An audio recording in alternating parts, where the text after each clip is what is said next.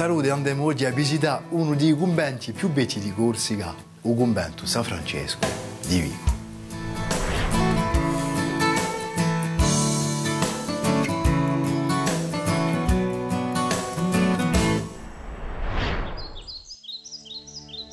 È il 1481 e per 325 scuri che il signore di Ginarca Giampaolo d'Areca cede ai frati francescani convento di Vigo appena alzato.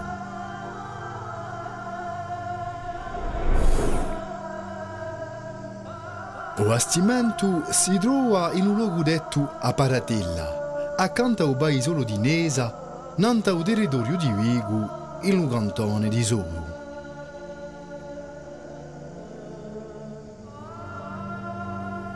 A principio è stata costruita solo a Ieja. L'edificazione di un convento che può avere oggi si farà dopo. Giusto appunto, entriamo in sa Ieja detta Ieja conventuale. Uno degli elementi più assegnalati di Aieja di un convento è un famoso Cristo di legno binto chiamato Franciscone. Anche se non si conosce mica l'origine esatta di Sopera, si può dire che la faccia parte di una produzione italiana di a fine di un XV secolo. Ciò la sapè che su Cristo era portato in processione in tempo di guai e che l'è sempre venerato oggi. Alla fine del XVII secolo è edificata un'area di abitazione arrivata a Iecia d'origine. Al XVIII secolo una terza parte è costruita. Il convento di Leppica si assomiglia a quello d'oggi.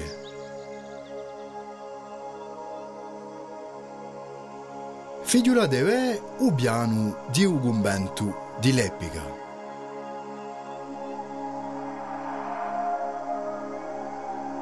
Ma riveniamo un poco a Iecia di un convento. Dopo al Franciscone, un altro monumento assegnalato è un magnifico mobile di sacrestia dove i preti allungavano i suoi abiti.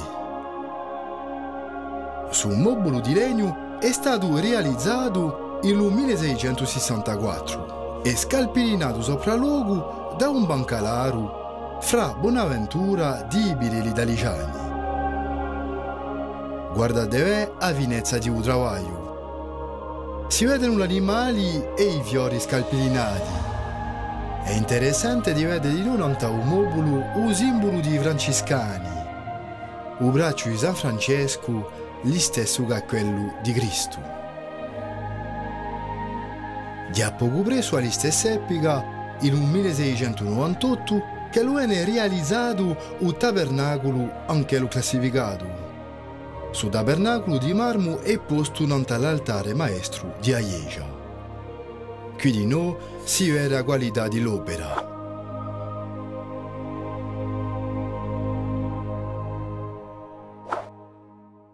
Dopo la rivoluzione francese, tra il 1789 e il 1828, sarà reso porte il convento di Vigo.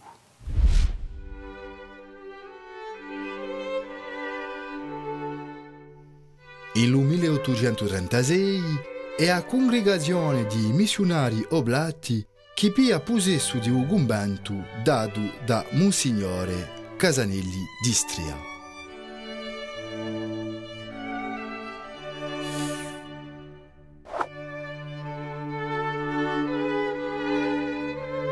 Il convento diventa dando un luogo di formazione spirituale per i preti.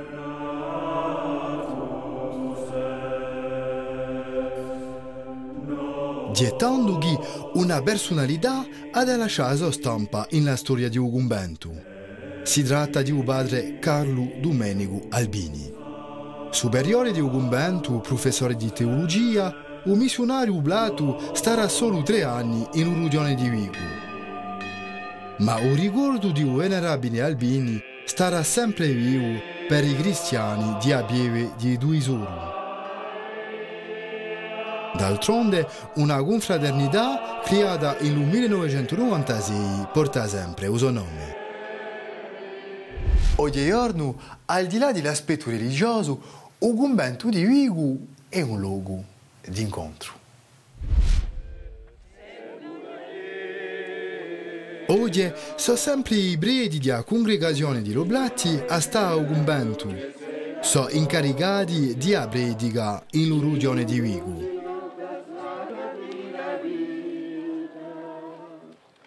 Ma al di là dell'aspetto religioso, convento di Vigu è un luogo d'accolta. Sereno e fuori di tempo, allontanato dal paese, convento fa da osteria e può accogliere gente all'occasione di seminari, riunioni o di soggiorni turistici. D'altronde, il luogo è a sede di parecchi associ e manifestazioni culturali. Una delle più assegnalate è forse il Festival di Sori Musica.